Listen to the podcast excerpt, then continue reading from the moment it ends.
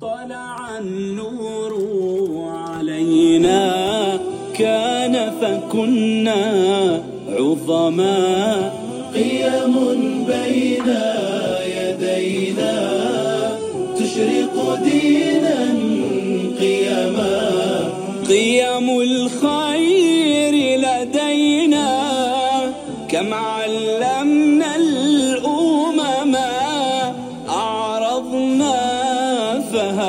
فهوينا فلما الإعراب هذا البرنامج برعاية مكتب الجمعية العلمية السعودية للقرآن الكريم وعلومه. تبيان فرع جدة ودما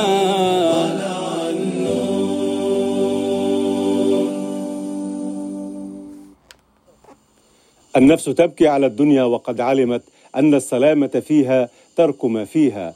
لا دار للمرء بعد الموت يسكنها. إلا التي كان قبل الموت يبنيها فإن بناها بخير طاب مسكنه وإن بناها بشر خاب بانيها. ربنا تبارك وتعالى يقول وجاءت سكرة الموت بالحق ذلك ما كنت منه تحيد. ما هو الموت؟ وما طبيعته؟ وما حقيقته؟ وهل حقا كما يقال الموت الحقيقة الوحيدة الموجودة في هذا الكون أم لا؟ كيف يستعد الإنسان لما بعد الموت؟ كيف يزرع أخراه ولما يحرص على دنياه ويخرب أخراه؟ تذكر الموت حلقة جديدة في برنامج دينا قيما. أهلا ومرحبا بكم. بالأخلاق حمينا أرضا عرضا ودما مشاهدينا الكرام السلام عليكم ورحمة الله وبركاته. أهلا بحضراتكم معنا إلى حلقة جديدة في برنامج دينا قيما.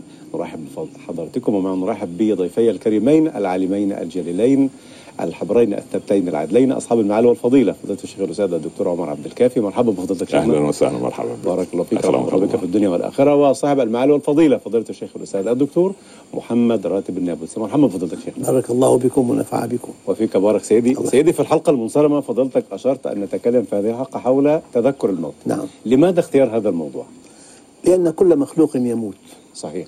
ولا يبقى إلا ذو العزة والجبروت. سبحانه والليل مهما طال فلا بد من طلوع الفجر والعمر مهما طال فلا بد من نزول القبر. وكل ابن أنثى وإن طالت سلامته يوما على آلة حدباء محمول فإذا حملت إلى القبور جنازة فاعلم بأنك بعدها محمول. نهاية كل حي. وما ما من تعريف جامع مانع للإنسان كتعريف الإمام الجليل الحسن البصري. نعم. قال الإنسان بضعة أيام كلما انقضى يوم انقضى بضع منه. فأنت زمن. أو رأس مالك هو الزمن أو أثمن شيء تملكه هو الزمن. ولأنك زمن أقسم الله لك بمطلق الزمن. قال لك والعصر. جواب القسم إن الإنسان لفي خسر يعني خاسر. لو واحد سأل لما الخسارة يا الله؟ قال لأن مضي الزمن وحده يستهلكه فقط. الله. قبل أن نقول مؤمن غير مؤمن مضي الزمن وحده يستهلكك. فالإنسان بضعة أيام كلما انقضى يوم انقضى بضع منه. فرأس مالك هو الزمن أثمن شيء تملكه هو الزمن أنت زمن. تمام. لذلك هذا الزمن إما أن ينفق, ينفق استهلاكا أو استثمارا. تمام. جميل. أكلنا وشربنا وسهرنا واستمتعنا. ثم جاء الموت فجأة. هذا إنفاق استهلاكي وخطير جدا. نعم. أما البطولة أن تفعل في الزمن الذي سينقضي عملا ينفعك بعد انقضاء الزمن. الله أكبر. جميل. فأنت بضعة أيام. إن فعلت الصالحات ثم جاء الموت معك ذخيرة كبيرة لما بعد الموت. نعم. فكل مخلوق يموت. إذا والعصر إن الإنسان لفي خسر. إله جواب القسم خاسر. إلا. رحمته في إلا. ما بعد إلا أركان النجاة. إلا الذين آمنوا وعملوا الصالحات وتواصوا بالحق وتواصوا بالصبر. يعني لا بد من البحث عن الحقيقة. آمنوا. ولا بد من التحرك وفقها وعملوا الصالحات. تمام. ولا بد من الدعوة إليها. هي الدعوة إلى الله كفرض عين ولا بد من الصبر على البحث عنها والعمل بها والدعوة إليها. الله أكبر. جميل أحسن الله. الله. عليك. ما شاء الله. شيخنا يعني لن لا لا أود أن أدخل في تفصيلات الموت وما بعده ولكن لماذا نخاف من الموت ونخاف من الآخرة ونحب الدنيا؟ أول ما زين إبليس لأبينا آدم زين له قضية الخلد. صحيح. والخلد مطلب. انساني حتى الذي يعلم سواء المؤمن أو غير المؤمن يعلم أنه فاني في هذه الدنيا. فيحاول أن يبقى خالدا بالتناسل. صحيح. نعم. هل ادلكما على شجرة الخلد وملك لا يبلى؟ ما نهاكما ربكما عن تلكما الشجرة إلا أن تكونا ملكين أو تكون. تكون من الخالدين فدلهما بغرور ما الغرور؟ ظن آدم للحظات أنه إن خلد في الدنيا أطاع ربه إلى إلى الخلد. يعني أطاع ربه إلى الأبد. من ظن من باب حسن. تمام. فالشيطان يأتي بالسم داخل العسل. هو مدخله طاعة. تخيل الكلام كده منمق. الكلام كده منمق. تمام. آه لكن هو حقيقة الأمر.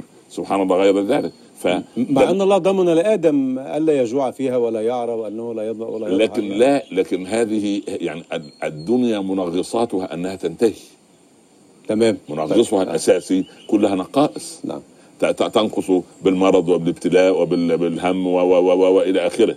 لكن مع وجود هذه الأربعة التي ضمنت لآدم الا تجوع فيها ولا تعرى ولا تظمأ ولا تضحى قال له أنك تخلد فلا تنتهي ولا تنتهي حياتك. عندئذ أبونا آدم ظن سبحان الله حتى يقال في كتب السير إن شيث ولده قال له يا أبتي أتطيع الشيطان وتغضب الرحمن؟ كيف يعني تسمع؟ قال لأن ربنا قال وقاسمهما إني لكما قال والله يا بني ما ظننت أن أحدا يقسم كاذبا بالله. كان ابونا آدم على الفطر لسه. سليم. ف- طب هل هذا جعلنا نخاف من الموت آه. ونخشى الآخرة؟ طبعا. لماذا؟ آه. الإنسان ال- نوعين مؤمن وغير مؤمن. تمام. المؤمن يخاف ألا يكون قد تقبل له عمل أو ظن أنه عمل خيرا وما هو بخير. فيكون هباء منثور فهو خائف مما سوف يلقى. تمام. لأنه عنده يقين هيقف بين يدي الله إن الناقد بصير. نعم. خلاص؟ طيب ده ده المؤمن. فهو خايف إيه؟ أن أن أن أن أن يفشل في الحساب أن يرسب في الحساب. لأن لا فيه لا نقد ولا. ابرام ولا استناء. والآخر أحرص الناس على حياة. يود أحدهم لو يعمر ألف سنة. لأن الحياة عنده فرصة واحدة. ينتهب منها ما يشاء. فيظلم ويضرب ويقتنص لأن الحياة هذه فرصة واحدة. فعندما تذكره بالموت تشعر أن هذه الدنيا سوف تسلم منه. سليم. آه يعني يخاف فكلاهما خائف. فلا راحة للدنيا في الدنيا لا للمؤمن ولا للكافر. صحيح. تقول المقولة الفلسفية أو مقولة دكتور محمد راتب بارك الله فيك أنه الموت هو الحقيقة الوحيدة في الحياة أو في الكون. هل هذه صحيحة على إطلاقها؟ الحقيقة أريد أن أبين الإجابة بشكل تفصيلي. تفضل. بين الأرض والشمس 156 مليون كيلومتر. نعم. يقطعها الضوء سبعة دقايق في 8 دقائق. طيب إذا وضعنا واحد بالأرض وأصفار للشمس للشمس مم. يعني 156 مليون كيلومتر أصفار وكل ميلي صفر ما هذا الرقم؟ هذا الرقم فلكي. إذا نسب إلى اللانهاية صفر. تمام. فنحن مخلوقون للجنة للأبد مخلوقون. فالذي يختار الدنيا غبي جدا. أنه واحد بالأرض وصفار للشمس. 156 مليون كيلومتر أصفار. كل ميل صفر هذا الرقم. إذا نسب للانهاية صفر. فالإنسان بضعة أيام. أنا ما ما فهمت هذا المثل شيخ يعني عذر. الله عز وجل خلقنا لجنة عرضها السماوات والأرض. تمام. الدليل إلا من رحم ربك في الجنة ولذلك خلقهم خلقهم للجنة. ولمن خاف مقام ربه جنتان جنة في الدنيا وجنة في الآخرة. نحن مخلوقون للجنة وجنة فيها أبد. أولا يعذب المؤمن يوم القيامة؟ بقدر أخطائه طبعا. يعني يخرج من. يخرج من النار من كان في قلبه مثقال ذرة من إيمان. يعني أنا لا. أريد أن آه. أوضح لك كلام فضيلة الشيخ هو كلام أنا أنا كلام أنا عالي أوي. أنا لهثته أنا أنا لهثت خلفه وما وما نعم. وما صعدت ربنا يبارك فيه. أي رقم بالنسبة إلى ما لا نهاية في علم الرياضيات يساوي صفر. شوف تمام. فالإنسان يحيا في الحياة رقما. 50 سنة 70 سنة 100 عام. 150 سنة ها؟ ما فيش معامل لكن 150 سنة. يبقى. صفر برضه. أيوه. يبقى صح تمام. هذا الرقم الذي عاشه يساوي لا شيء. صفر. آه، سليم. يساوي صفر. فأنت تحيا في الصفر ورغم ذلك يقول الله لك سوف أقبل منك ما تعمله داخل الصفر. يا الله. جميل. جميل. يعني يعني يرضى القليل منك من العمل. ورغم هذا لماذا نخاف الموت؟ لا نخاف نخاف الموت. يعني حتى في المثل الوعد المقاطعة لما نتكلم في الموت يقولوا بعد الشر غير السيرة. آه، أعوذ بالله. يا عم افتكر حاجة حلوة. شوف. ما- ما هذه داخل التي ربينا عليها؟ من داخل المؤمن الصادق آه. يحب لقاء الله. من أحب لقاء الله أحب الله لقاءه. ومن كره لقاء الله كره الله لقاءه. دخلوا على ابن عبد عمر بن عبد العزيز وهو ينازع. قالوا يا ابن عبد العزيز قل لا إله إلا الله محمد رسول الله. فنظر إلى السماء وقال يذكروني بك جمالك في وجهي وذكرك في فمي وحبك في قلبي فكيف تغيب؟ الله. مرة ثانية شيخنا أحسن الله يعني عمر الله يرضى عنه ذك- ذكروه ذكروه بالشهادتين عند خروج الروح. فقال يا رب يذ- يذكروني بك. هو حسن الظن بالله عايز عايز يكون له دلاء والله يحب العبد الذي يتدلل عليه. جمالك في وجهي ذكرك في فمي حبك في قلبي فكيف تغيب لم يغب لا إله إلا نعم الله. نعم. نعم. دموع الرحمة والمغفرة إن الله شاء الله يرضى يا عليك. شيخ دموع الرحمة والمغفرة يعني إنسان فقير جدا نعم. وذكي جدا است- استطاع يقنع من حوله أن يبيعوا أساورهم كي يقطع بطاقة طائرة لأمريكا. نعم. ليصل إلى هذا البلد وينال دكتوراه. نعم. ذكي جدا. فاشتغل بعد الظهر في مطعم قبل الظهر في الجامعة بالليل دراسة. أمضى سبع سنوات من أصعب ما يكون. موعود ببلده بأعلى منصب نعم. وبأجمل بيت. فركب الطائرة باتجاه بلده. هذا الموت عند المؤمن. الله. كل هالتعب التكليف ضبط النفس ضبط الدخل الإنفاق تربية الأولاد حضور درس العلم كله من أجل الآخرة. وصل الآخرة الد- الدار الآخرة دار تشريف. نعم. الدنيا دار تكليف الآخرة دار تشريف. فإذا إنسان وصل إلى حقيقة الموت الموت للعرس المؤمن الموت تحفة المؤمن. الموت عرس المؤمن. نعم. يعني نيل نيل المراد عند الموت. ولذلك فضيلتك عندما يعني علمتمونا أن الإنسان الله. لما يحمل يجد مقعده من الجنة أو مقعده من فيقول يعني علامة تبطئون بجنازتي والله لو تعلمون ما ينتظرون من الخير أسرعتم بها. يبقى هو ده مقبل على خير. لما البكاء مولانا؟ يعني أتذكر الموت المؤمن إذا دنا أجله يقول لم أرى شرا قط. نعم. والآخر يقول لم أرى خيرا قط. الله أكبر. ب- باعتقادك معالي الدكتور السؤال لكم ما نختم به الحلقة. حينما نتذكر الموت ونتكلم في الموت نبكي. مع أننا نؤصل من أحب لقاء الله أحب الله لقاءه. يعني الم- المفروض أن نكون في غبطة وفي سعادة وفي يا. مؤمن يا مؤمن نحن ننام كل ليلة فعندما نستيقظ. ندعو الله سبحانه وتعالى ونحمده على أن استرد أو رد لنا حياتنا مرة أخرى. الحمد لله الذي أحيانا بعدما أماتنا في النوم الموتة الصغرى. ولذلك العبد رب العباد يذكره كل حين سبحان الله يعني مالك يوم الدين مالك يوم الدين فيفرح الإنسان وتزداد عقيدته ثباتا ويقينه ثباتا أن الذي يملك يوم الدين هو الله رب العالمين الذي يقول لا ظلم اليوم. أما الدنيا بنيت على ظلم فيعني ندعو الله أن نرحل عنها بإيمان. ظلمت يا مولانا في الدنيا؟ والله يعني أنا أشفق على الظالم والله لو يعلم الظالم ما للمظلوم عنده لظن عليه بظلمه. لا إله إلا الله. كلمة أخيرة صاحب الفضيلة دكتور تتوجه والله الإنسان إذا عرف الطريق إلى الله وسار فيه هو أسعد الناس. ليس على وجه الأرض من هو أسعد من المؤمن. نعم. إلا أن يكون أتقى منه. لذلك إذا أردت أن تسعد فأسعد الآخرين. سليم. تكن أنت أسعدهم. نعم. بارك الله فيكم وأحسن الله إليك شكرا لكم على هذا اللقاء. فيك.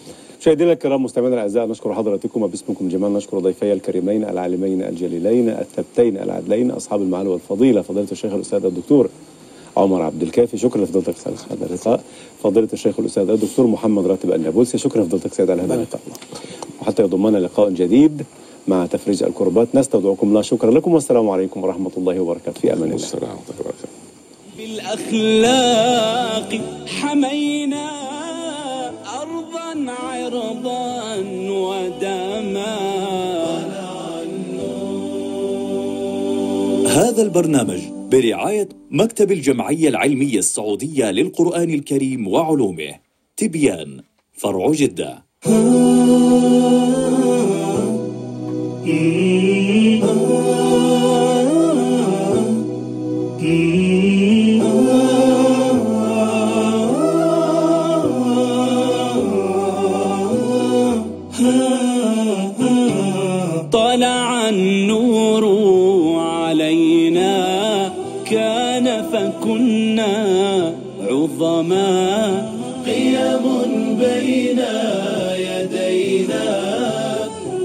تشرق دينا قيما احفظ عقلا عينا.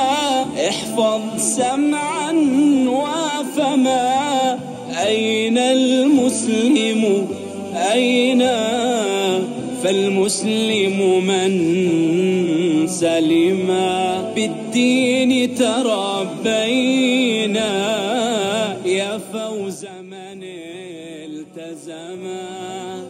رب أدمه علينا. اهدنا دينا قياما